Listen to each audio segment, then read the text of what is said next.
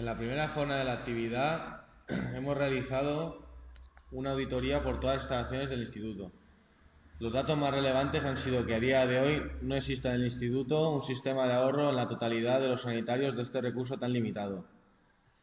Lo que más me ha gustado o llamado la atención del taller es que a veces hace falta sesiones como esta auditoría para poder conocer las malas prácticas de uso de recursos que hacemos.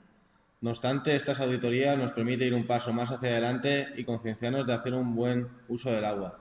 Adrián Pérez Pérez, primero de ciclo formativo de grado superior de gestión forestal y del medio natural, Infoaula UMH.